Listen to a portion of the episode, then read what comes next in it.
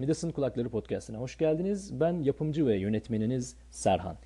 Geçen bölüm kendimi e, sunucu olarak ifade etmiştim ve kulağımı çok tırmalamıştı bu laf. Yapımcı ve yönetmen belki biraz daha mı bilmiyorum havalı bir oldu, bir şey oldu bakalım.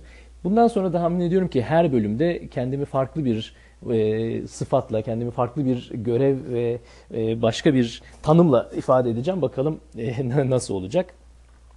Ee, özünde yapım ve yönetimden kastım tümüyle elimde tuttuğum cep telefonu. Ben bu e, kaydı cep telefonuma konuşarak yapıyorum. Naçizane yani o denli amatör bir e, durumla karşı karşıyayız. Midas'ın, pod, Midas'ın Kulakları podcast'i ve kendimden çok kısaca bahsetmek gerekirse evet biliyorum çoğunluğu zaten eşim dostum dinliyor ama yani gene de bir şekilde yolunu kaybedip buraya gelen dinleyen bir kişi o arkadaş da çok fazla eziklemesin. Ona da çok kısaca bir kim olduğumdan ve ne yaptığımızdan bahsedelim. Yaklaşık 10 yıla yakın zamandır yurt dışında uzak doğuda yaşıyorum. Tayvan'da yaşıyorum. Ee, Türkiye'de yazılım sektöründe, enerji, çevre sektöründe çalıştım. İş, iş hayatının içinde bir dönem bulunduktan sonra e, istifamı verip uzak doğuya geldim.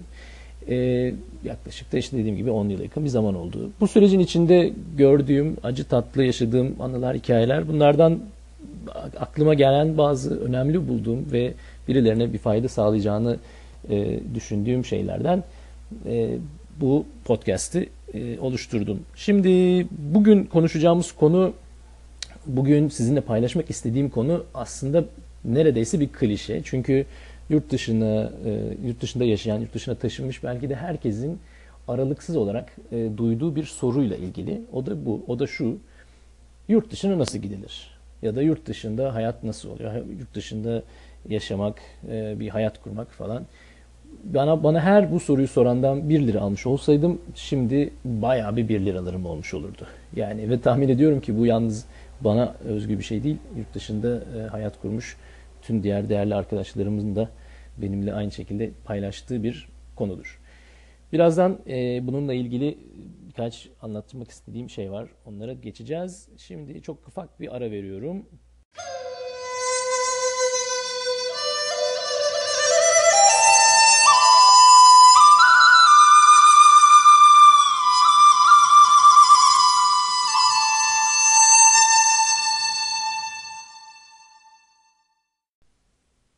Evet, şimdi dediğim gibi yurt dışına çıkan herkesin çok sıklıkla duyduğu bir e, sorudur. Abi nasıl gidiyoruz ya nasıl oluyor ya ben de yapmak istiyorum. Şimdi kimisi bunu e, çok e, amiyane böyle bir hani geyik muhabbeti şeklinde sorar. Kimisi bu konuda çok ciddi çalışır yani gerçekten kafasını koymuştur. Belli bir araştırma sürecinin içinden geçer, bakar ne, ne olur ne der. Şimdi nasıl gidilir sorusunu hani kimseyi de hayal kırıklığına uğratmayayım. Onunla ilgili birkaç söyleyeceğim söz var en sonunda ama aslında benim için daha önemli olan soru şu. Yurt dışına nasıl gidilir esas mesele değil. Esas mesele yurt dışına niye gidilir? Niye sorusu bence nasıl gidilirden daha önemli bir soru. Dolayısıyla bundan biraz bahsetmek istiyorum. İlk ilk olarak önce buradan bahsetmek istiyorum. Ondan sonra biraz yurt dışındaki hayat, yurt dışında hayat kurmayla ilgili anlatacağım şeyler var. Ama öncelikle bu niye meselesine bir bakmamız lazım. Şimdi yurt dışına gitmek e, denen bu konu bu aralar biraz daha fazla gündemde. Çünkü ülkenin durumundan belki memnun olmayan insanlar biraz daha çok, daha fazla insan e, mutsuz.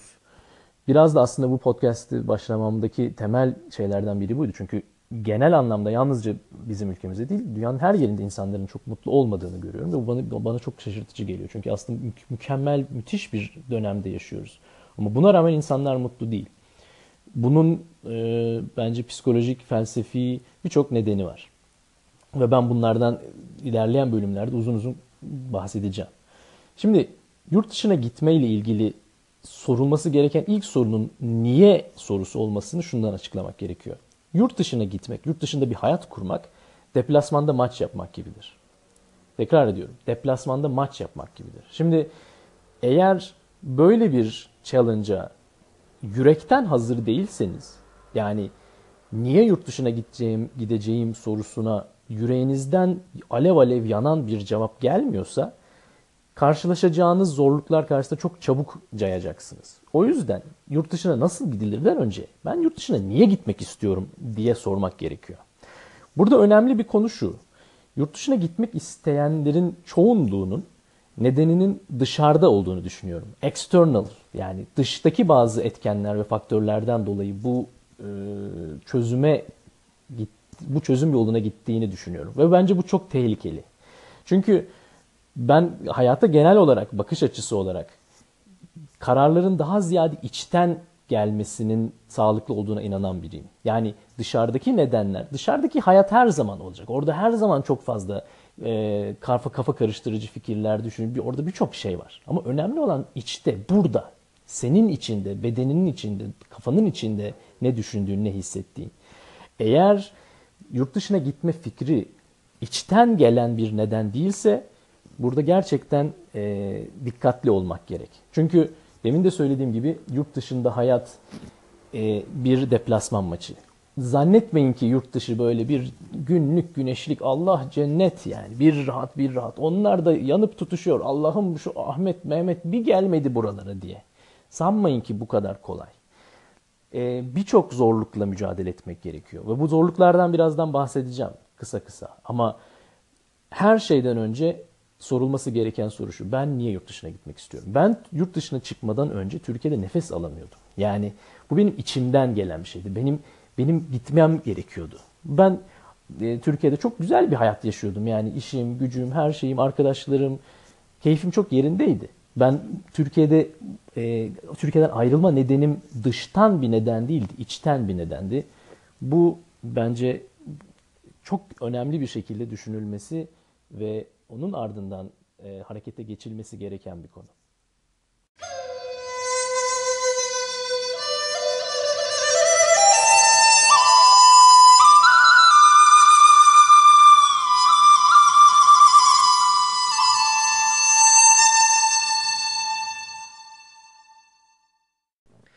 Şimdi diyelim ki siz de benim gibi gözü kararttınız. Yani çok net bir şekilde diyorsunuz ki ben yurt dışına gitmek istiyorum.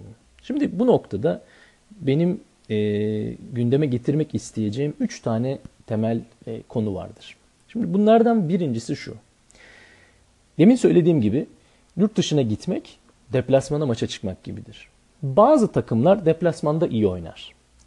Bence yurt dışına gitmek konusunda gözünü karartmış kişinin sorması gereken bir soru budur. Ben deplasmanda nasıl oynayan bir takımım? Bunun başka bir ifadesi rahatsızlık karşısında ne kadar dirayetliyim, dayanıklıyım. Çünkü yurt dışına giden kişinin ister istemez hayatında sürekli devamlı bir e, mücadele hissi gündeme geliyor. Bu ayrımcılıkla alakalı bir konu değil. Yanlış anlaşılmasın. Ben insanların size karşı kasıtlı olarak engeller çıkaracağını ya da yabancı olduğunuz için size özellikle e, zorluk çıkarılacağından falan bahsetmiyorum. Bu daha ziyade hayatın çok küçük detaylarından minik minik bir su damlası, bir kum tanesi gibi ufak ufak şeylerden ama devamlı olarak e, meydana gelen bazı garipliklerden ya da sizin için garip e, size garip gelen bazı durumlar karşısında e, bozulmamaktan bahsediyorum. O yüzden rahatsızlıktan, rahatsızlıkla barışık olmak dediğim kelime oydu. E, daha açık konuşmak gerekirse iletişim sıkıntıları gündeme gelecek, kültürel farklar gündeme gelecek, alışık olmadığınız süreçler, alışık olmadığınız e, olaylar karşısında e, yapınızın bozulmaması gerekiyor. Şimdi bu çok kolay bir şey değil bu gerçekten kolay bir şey değil. Yani lafta daha kolay, söylemesi kolay olan bir şey. Ben kendi adıma şunu biliyorum. Ben kendimi bildim bileli yalnız kurt oynamaktan zorlanmadım. Kendi başıma, kendi kendime meselelerimi çözmekten hiçbir zaman gocunmadım ya da zorlanmadım. Tekrar bir şey ifade etmeden geçemeyeceğim. Ben yurt dışına giden adam yalnız kalır demiyorum. Yani yalnız kurt deyince ya da yalnızlıkla alakalı bir konu değil bu. Ama kendi kendine yetmeyle alakalı bir konu. Çünkü Yurt dışında elbette çok kısa zamanda sizin de bir çevreniz oluyor, arkadaşlarınız oluyor, dostlarınız, düşmanlarınız. Kendi kendine yetmek başka bir şey. Evli barklı bile olsanız şu an benim olduğum gibi hala birçok konuda kendi kendine yetme hissi e, önemini koruyor. Bu çok önemli ve çok e, elzem gördüğüm bir e, özellik, bir nitelik, bir yetenek belki de. Dolayısıyla yurt dışına gidecek olan arkadaşlar öncelikle bundan emin olmalı. Yani ben kendi kendime yeterli miyim? Ben e, rahatsızlık karşısında e, day- dayanıklı biri miyim? Yani rahatsız olmakla barışık mıyım? Bu anlamda e, stoacı felsefeyi şiddetle tavsiye ederim. Ben kendim aslında stoacı felsefenin çok e, önemli olduğuna inanan biriyim. Takipçisi, uygulamacısıyım demeye çalışıyorum mümkün olduğunca. Onun da anlamı şu. Yani kendinin kendi kendine yeterli olmak. Yüzde yüz sorumluluğu kendi üstüne almak. Dışarıdaki etkenlerden, dışarıdaki e, nedenlere çok fazla e, kredi vermemek. İyi ya da kötü her ne olursa olsun ben burada, ben sorumluyum ve ben ne gerekiyorsa yaparım. Bu çok önemli bir duruş oluyor. Bu duruşunuz olmazsa ne yabancı bir e, coğrafyada, yabancı bir kültürün içinde varlığınızı ya da ayağınız sağlam bir şekilde ayağınız yere basar, ne karşı taraf sizi ne yapmaya çalıştığınızı doğru bir şekilde algılar. Bu sizin kişi olarak, bir birey olarak yurt dışında tekrardan kuracağınız hayatın ana direk ana da e, direğidir yani ana dayanağıdır, temel taşıdır. Bu çok önemli bir şey. Kendi kendine yetebilmek e, yurt dışına gitme hayali olan insanların çok ciddi bir şekilde kendi kendini tartması gereken bir konudur. Bu bir. Birazdan devam edeceğiz. Birkaç konu daha var. Üstüne durmak istediğim onlardan da kısa kısa değineceğim. Ama şimdi ufak bir ara veriyoruz.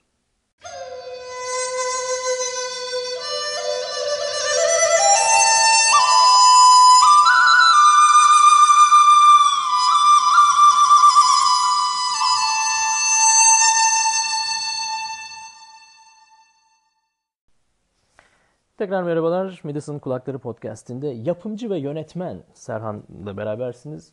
Dediğim gibi bundan sonraki bölümlerde kendime farklı e, sıfatlar bulmaya çalışacağım. Şimdi bugün yapımcı ve yönetmen olarak karşınızdayım. Yurt dışına giden e, birçoklarının belki fark ettiği, belki farkında değil. Çok emin değilim. Ama enteresan bir konudan bahsetmek istiyorum. O da şu. Ben buna geleceğe dönüş paradoksu ya da geleceğe dönüş Back to the Future e, konsepti e, diye adlandırmayı tercih ediyorum. O da şu. Evden ayrıldığınız zaman ya da evden ayrı kaldığınız sürede evde hiçbir şey olmadığını zannediyorsunuz. Bu bir yanılgı. Bu bir yanlış yani. Öyle bir şey yok. Ee, evden ayrı kaldığınız süre içinde evde de birçok şeyler olmaya devam ediyor. Yani uzun zaman ben e, yurt dışında yaşarken e, sadece değişiklik bende oluyor. Yani ben değişik değişik şeyler yaşıyorum, değişik yemekler, değişik insanlar tanıyorum, değişik e, tecrübeler yaşıyorum. Bu sadece bana oluyor zannediyordum. Halbuki fark etmiyordum ki. Sonradan fark ettim ki ulan evdeki insanlarda da birçok değişiklikler oluyor. Hayat orada da devam ediyor. Buna geleceğe dönüş konsepti diye adlandırmam, buna bunu bu şekilde adlandırmamın temel nedeni o. Çünkü geçmişte bir şeyleri değiştiriyorsunuz ve tekrar evinize döndüğünüz, geleceğe döndüğünüz zaman fark ediyorsunuz ki o bambaşka bir dünya var. Çok şeyler değişmiş. Yani sizin ayrılığınız, sizin oradan ayrılmanızdan itibaren geçen süreçte olan birçok olay e, hiç öngörmediğiniz apayrı bambaşka bir e, hayat yaratıyor geri döndüğünüz zaman. E, bu tabii iyi ya da kötü çok emin değilim yani. Bunu bunun iyi ya da kötü bir e, şeyi yok. E, nasıl diyeyim? E, sonucu yok. Ama ben her Türkiye'ye döndüğümde çok sık dönemiyorum. Dönsem çok uzun kalamıyorum. işten, güçten vesaireden ama ister istemez fark etmeden edemiyorum. Yani ben hala 10 yıl önce bıraktığım eve döneceğimi, 10 yıl önce bıraktığım arkadaşlarıma döneceğimi zannediyorum ama onlar da yürüyorlar. Onlar çünkü 10 yıl çok uzun bir zaman. Yani benim için çok şey değişti ama onlar için de çok şey değişti. Bu sadece yaşlanmayla ilgili de değil. Yani hayat değişiyor. Ve bunu çok takip edemiyorsunuz.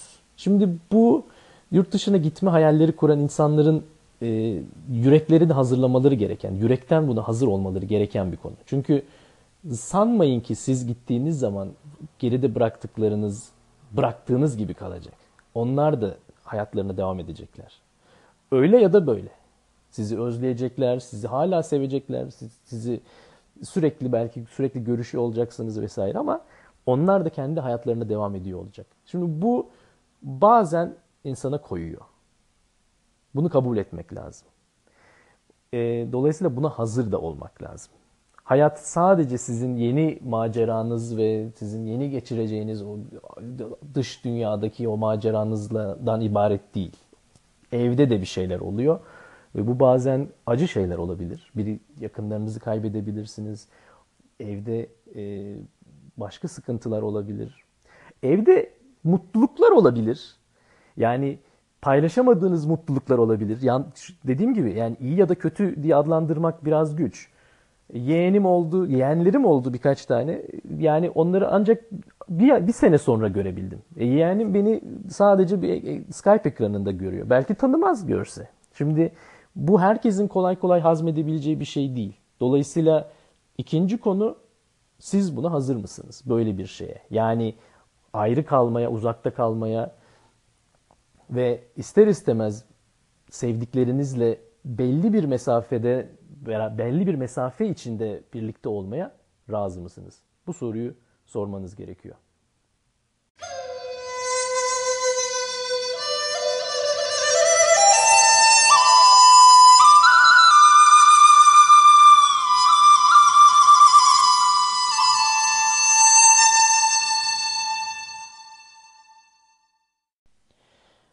Evden ayrılmanın ya da dediğim gibi sevdiklerinizden, eşinizden, ailenizden, dostunuzdan ayrılmanın e, önemli bir boyutu da evde kalanlarla ilgili.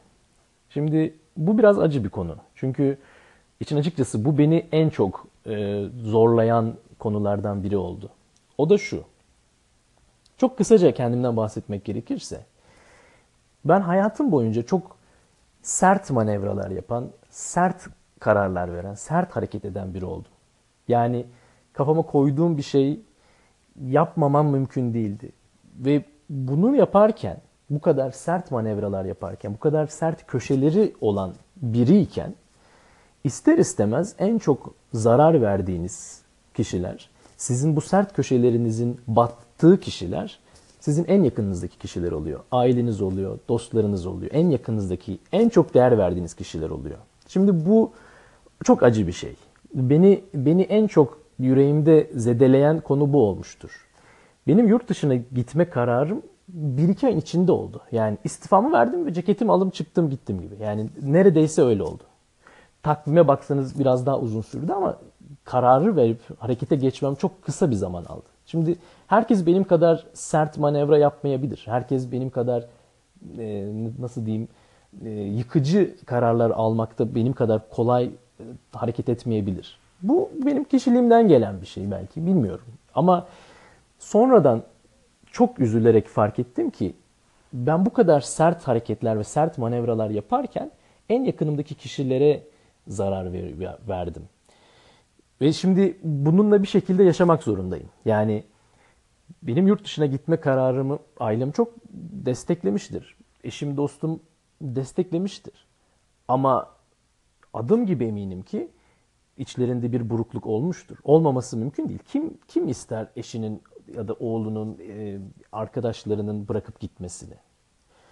Bunun vebali sizin boynunuza. Bunun bedeli yani başkalarına ödettiğiniz bu bedel size manevi bir yük olarak biniyor. Şimdi bu yurt dışına gitme hayalleri kuran birçoklarının hiç aklına bile gelmeyen bir konudur diye tahmin ediyorum. Onun için bu çok önemli bir şekilde altını çizmek istediğim bir konu. Yurt dışına giden siz yurt dışına gidiyorsunuz, yurt dışında sıkıntılar yaşayacaksınız vesaire vesaire vesaire anlattım ama evde kalanlar ne olacak? Evde kalanların evde kalanlarla ilgili hissiyatınız ne olacak? Bu çok önemli. E ben ailemle tabii ki devamlı görüşüyorum. Arkadaşlarımla tabii ki devamlı görüşüyorum. Yani 2018 senesi e, Skype var elinde, WhatsApp var elinde, Messenger var vesaire var vesaire var. Ama ne olursa olsun sen orada değilsin. Ha bu arada belki konudan konuya atlayacağım ama bu da önemli bir şey. Ben adım gibi eminim ki İstanbul'da yaşayan birçok arkadaşım benim görüşemediğim kadar aynı şekilde birbirleriyle görüşemiyorlardır. Yani benim 12 e, bin kilometre uzakta bir hayat sürüyor olmamla olmamdan kaynaklanan mesafeyle birin, birbirinden 7 kilometre mesafede yaşayan kişilerin birbirinden bu aynı derece uzak olması da ayrı bir konu. Bu da size son bir kıssadan hisse olsun. Yani ben 12 bin kilometre mesafedeyim. Hala bir şekilde görüşmeye çalışıyorum. E sen arkadaş yani 5 kilometre mesafedeki adamla bir fırsatını bulup buluşmuyorsun, görüşmüyorsun. Dolayısıyla burada da düşünülmesi gereken bir şey var. Mesele sadece kilometre olarak nerede uzaklığı, ha ne kadar uzakta olduğun değil. İnsan çok uzakta da olsa her anın her şeyini paylaşabiliyor. Elimizde teknoloji var.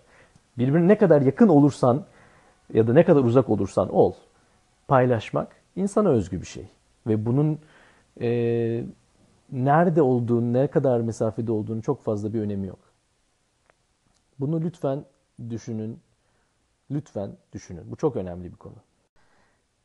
Efendim şimdi tabii acı tatlı bugün biraz uzun bir bölüm oldu. Ee, çünkü uzun zamandır bu konular üstünde bir şeyler söylemedim. Kafamda da yani söylemek istediğim çok şey var.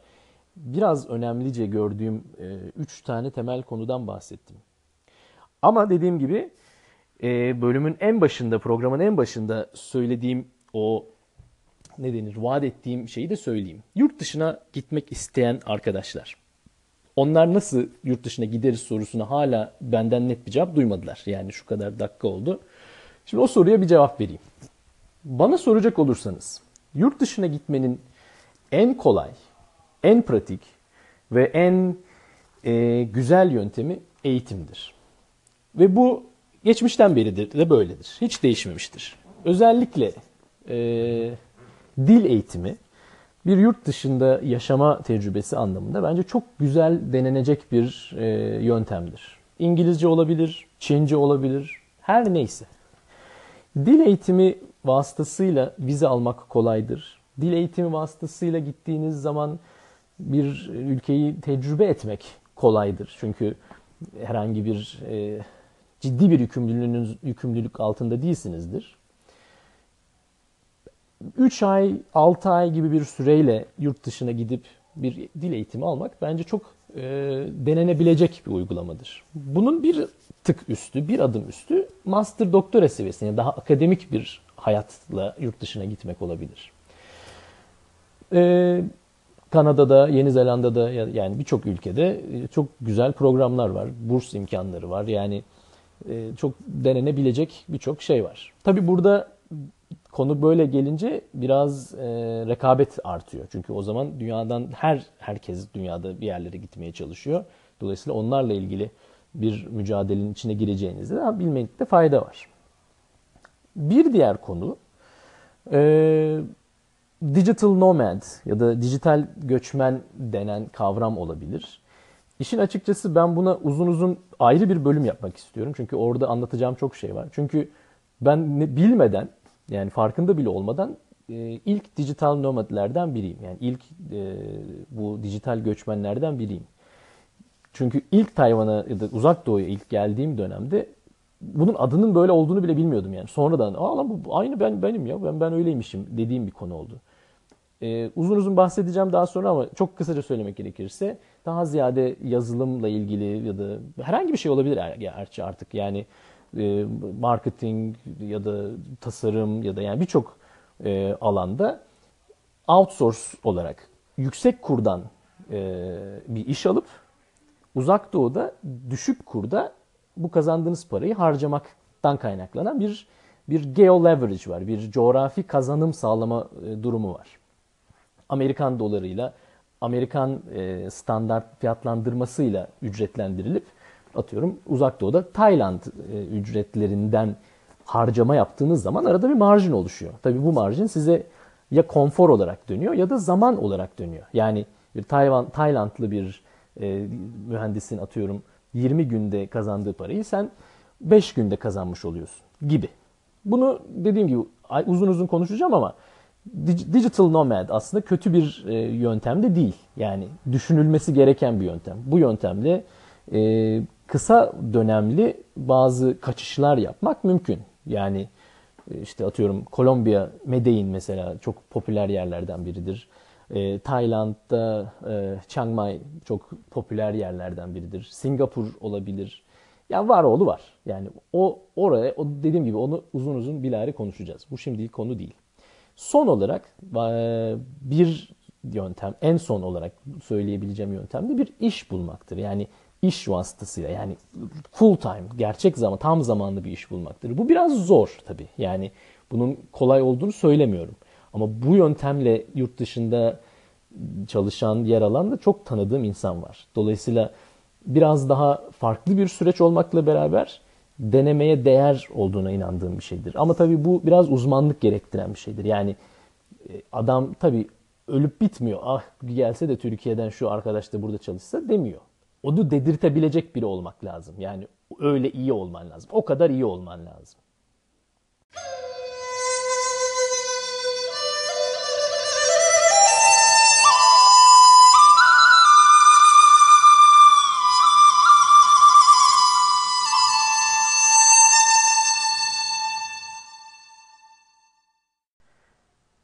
Midas'ın Kulakları podcastini dinliyorsunuz. Ben yapımcı ve yönetmen Serhan. Tekrar altını çizmek istiyorum. Yapımcı ve yönetmen Serhan karşınızdayım. Ee, çok keyif aldığım bir bölüm oldu. Biraz uzun bir bölüm oldu. Umuyorum siz de benim kadar keyif almışsınızdır. Ee, Midas'ın Kulakları podcast'i benim naçizane fikirlerimi, görüşlerimi paylaştığım bir yer. Ee, bunun ötesinde hiçbir ben ne bir e, hocayım ne bir e, motivational speaker'ım ne de bir atıyorum terapistim. Ben sadece kendimce gördüğüm, düşündüğüm, hissettiğim şeyleri paylaşıyorum. E, sorularınız, yorum ve önerileriniz için lütfen benimle temasa geçin. E, eksik olmasın. Geçen bölümden sonra birçok e, arkadaşım çok destek oldular. E, mahcup olmam diye ümit ediyorum. E, beni çünkü çok e, yüreklendirdiler bu konuda. E, bu ikinci bölüm oldu. Bundan sonraki bölümlerde tekrar görüşmek üzere. Hoşça kalın. Lütfen mutlu kalın. Çünkü mutlu olmaya daha çok ihtiyacımız olan günler yaşıyoruz. Yani daha mutlu olmamız lazım. Mutluluk dışarıdan gelmez. Mutluluk içten gelir. İnsan önce içinde mutlu olur, sonra dışarıya bunu yansıtır. Lütfen daha mutlu olun. Daha mutlu olalım hep beraber. Daha güzel günler göreceğiz. Hepinizi çok öpüyorum. Hepiniz hoşça kalın. Kendinize iyi bakın. Görüşmek üzere.